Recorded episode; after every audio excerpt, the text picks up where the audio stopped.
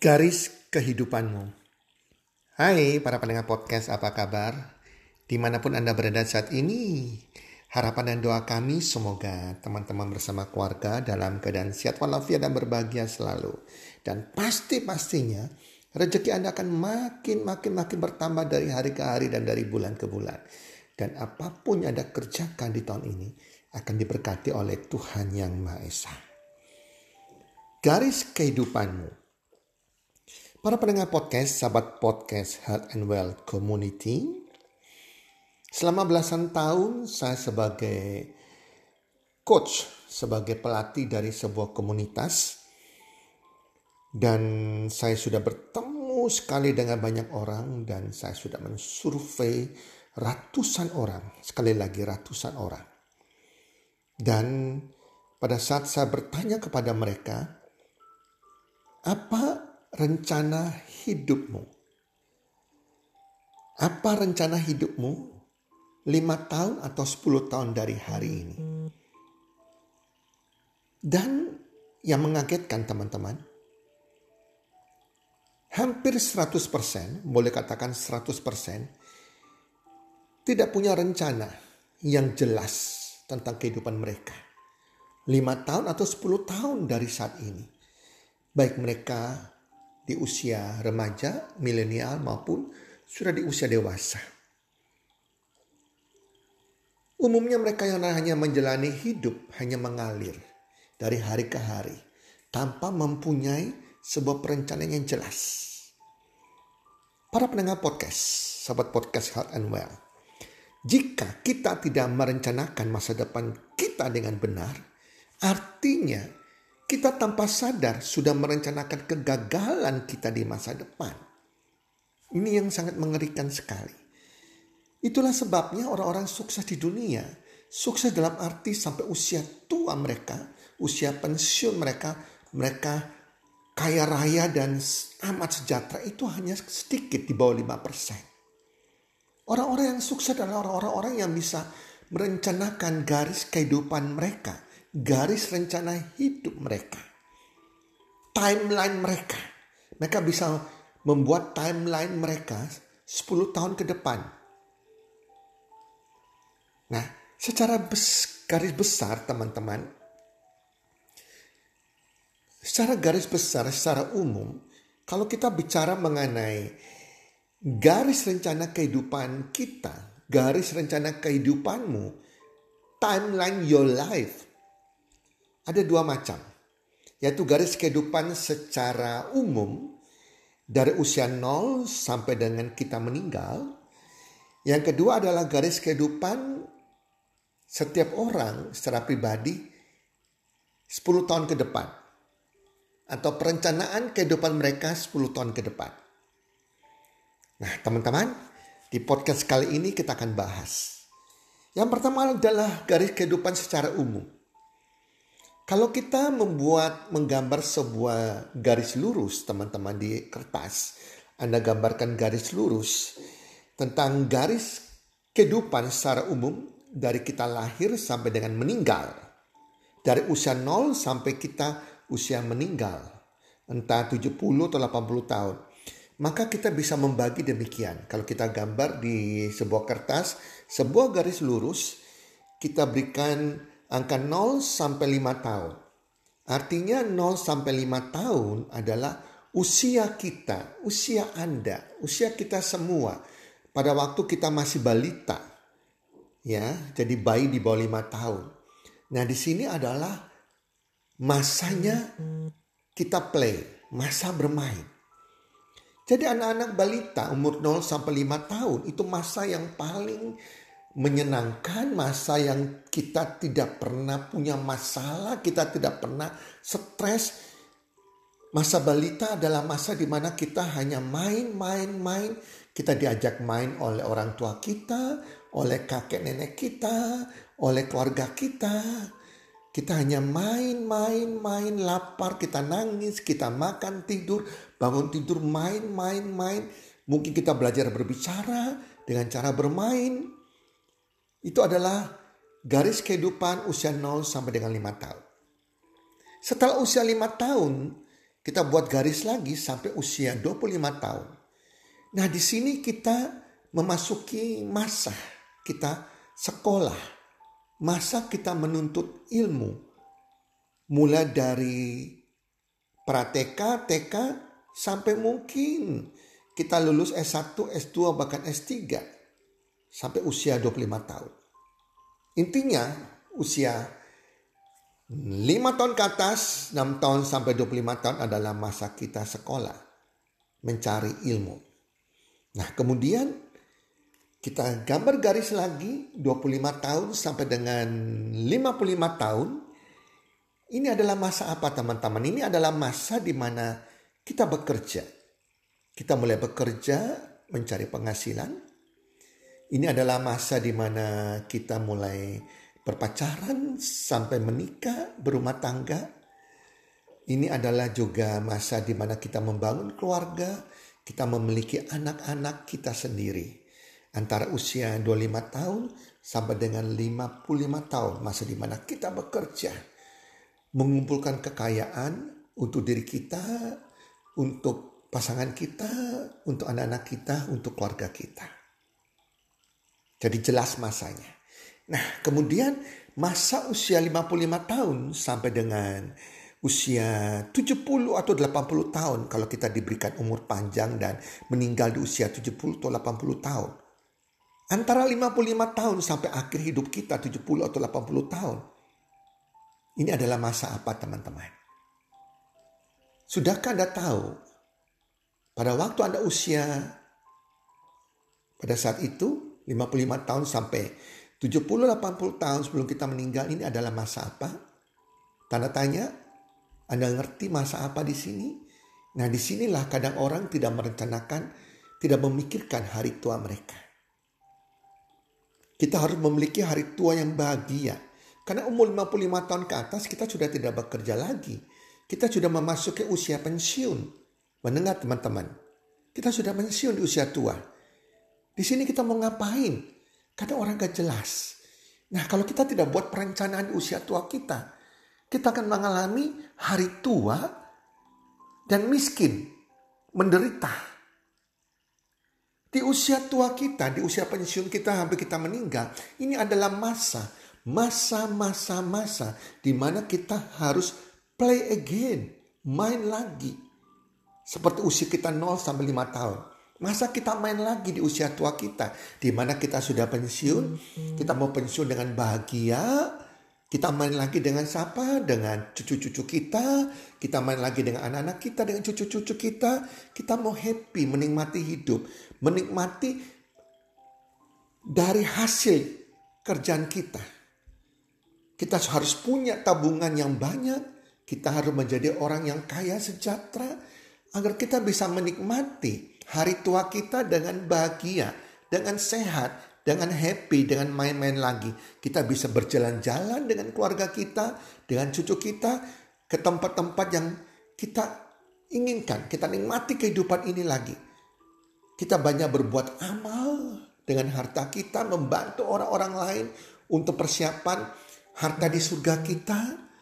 Nah, masa ini adalah masa penting dari tua yang hampir hampir 95% orang tidak merencanakan. Sehingga pada waktu mereka mencapai hari tua mereka, mereka kaget. Mereka punya tabungan yang terbatas, bahkan banyak yang tidak punya tabungan. Dan anda kata ada tabungan yang terbatas, tabungannya habis-habis total dipakai untuk biaya pengobatan mereka di hari tua. Karena pada waktu memasuki hari tua, kita juga kesehatan kita juga mulai terganggu. Kita banyak mengeluarkan keuangan untuk kesehatan kita. Iya, kalau anak kita kaya bisa menghidupi kita.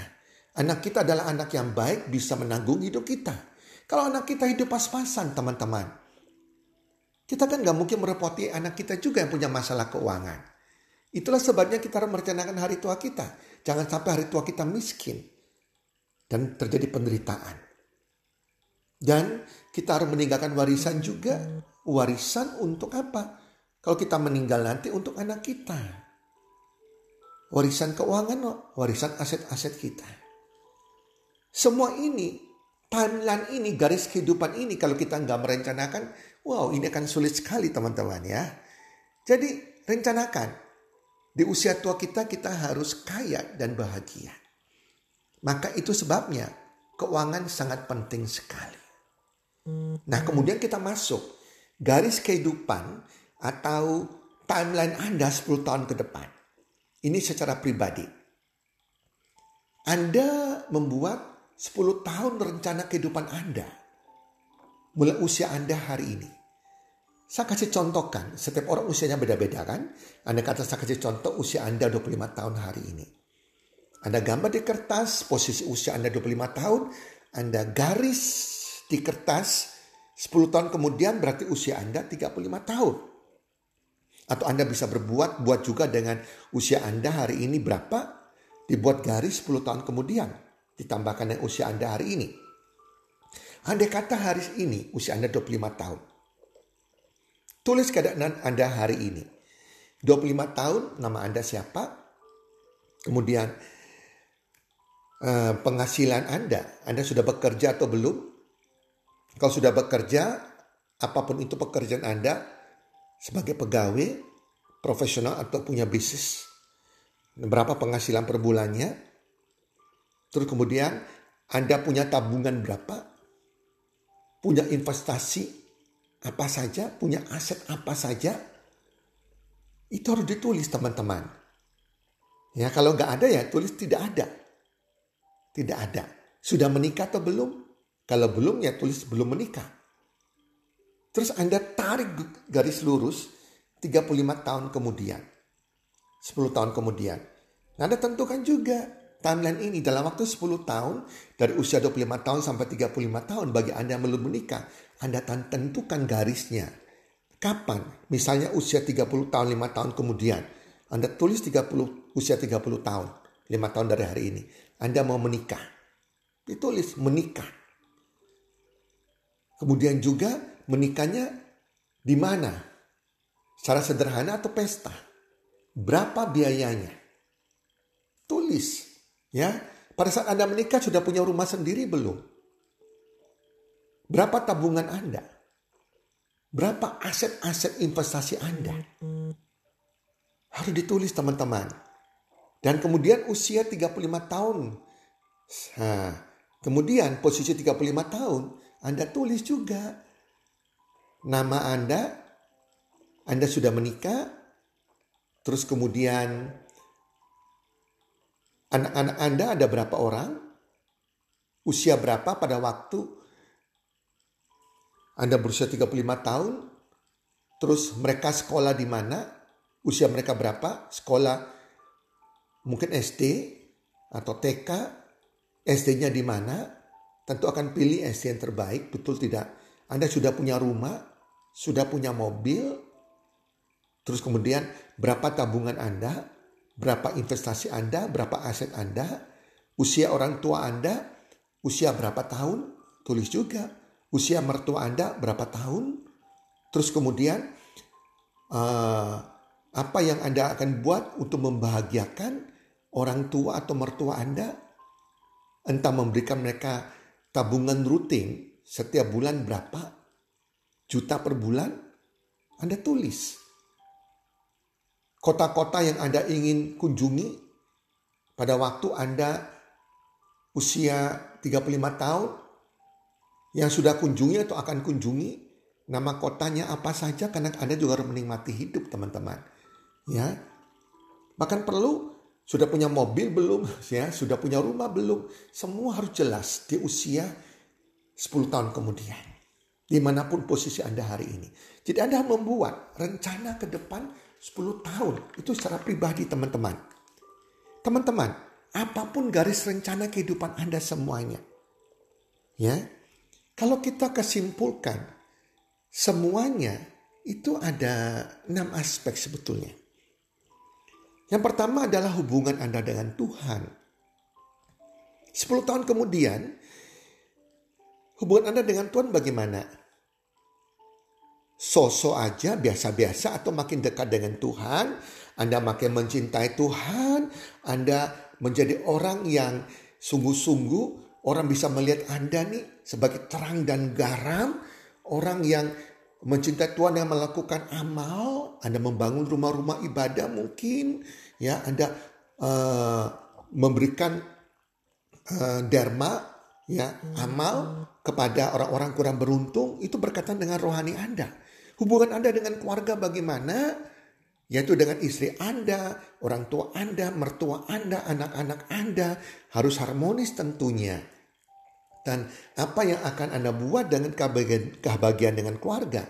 Tentunya Anda menyediakan rumah tempat tinggal yang yang yang layak, yang yang bagus, ya. Ada ada orang bilang membantu orang tua juga, ya.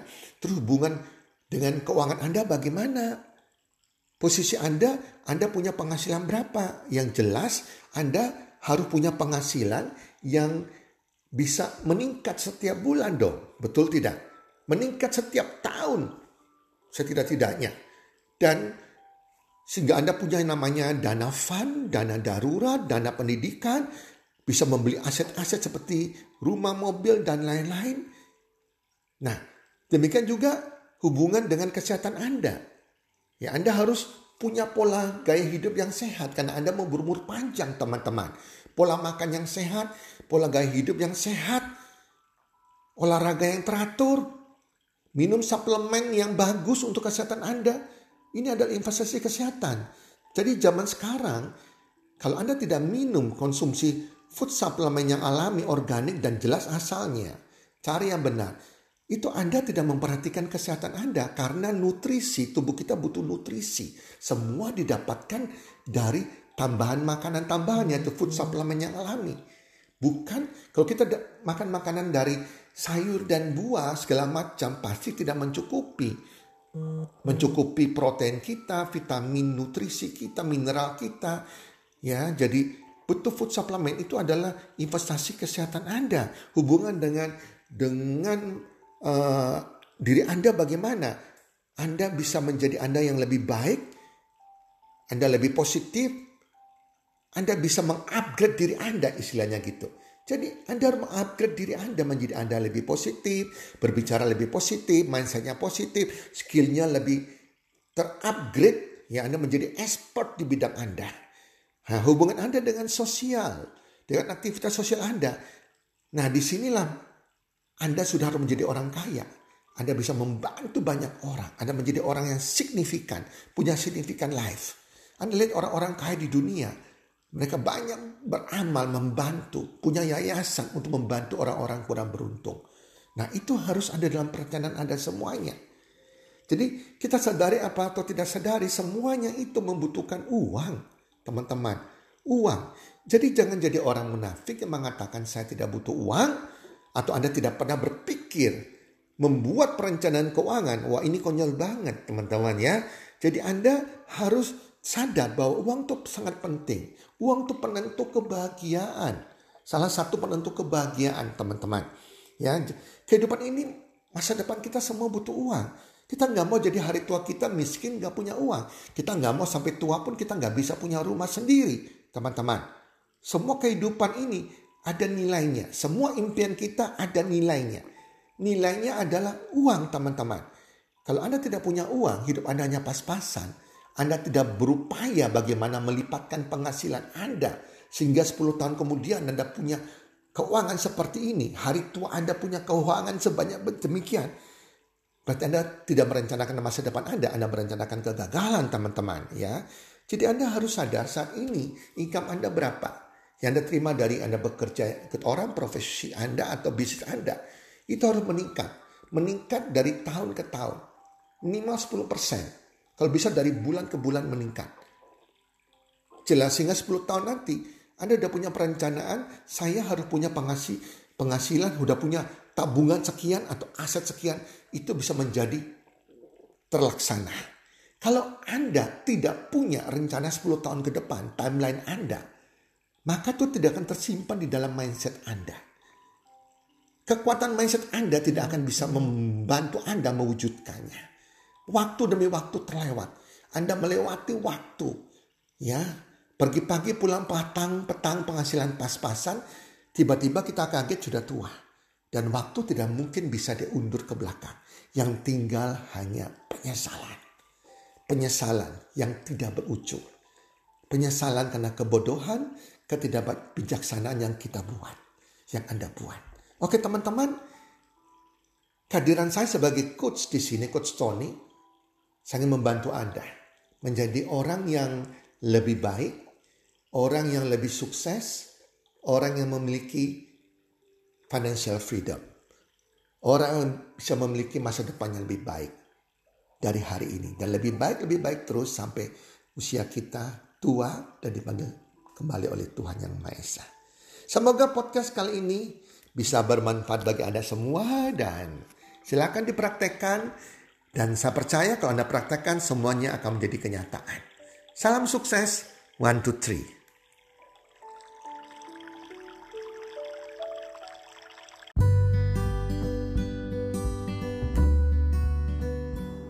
Terima kasih sudah mendengarkan podcast kami.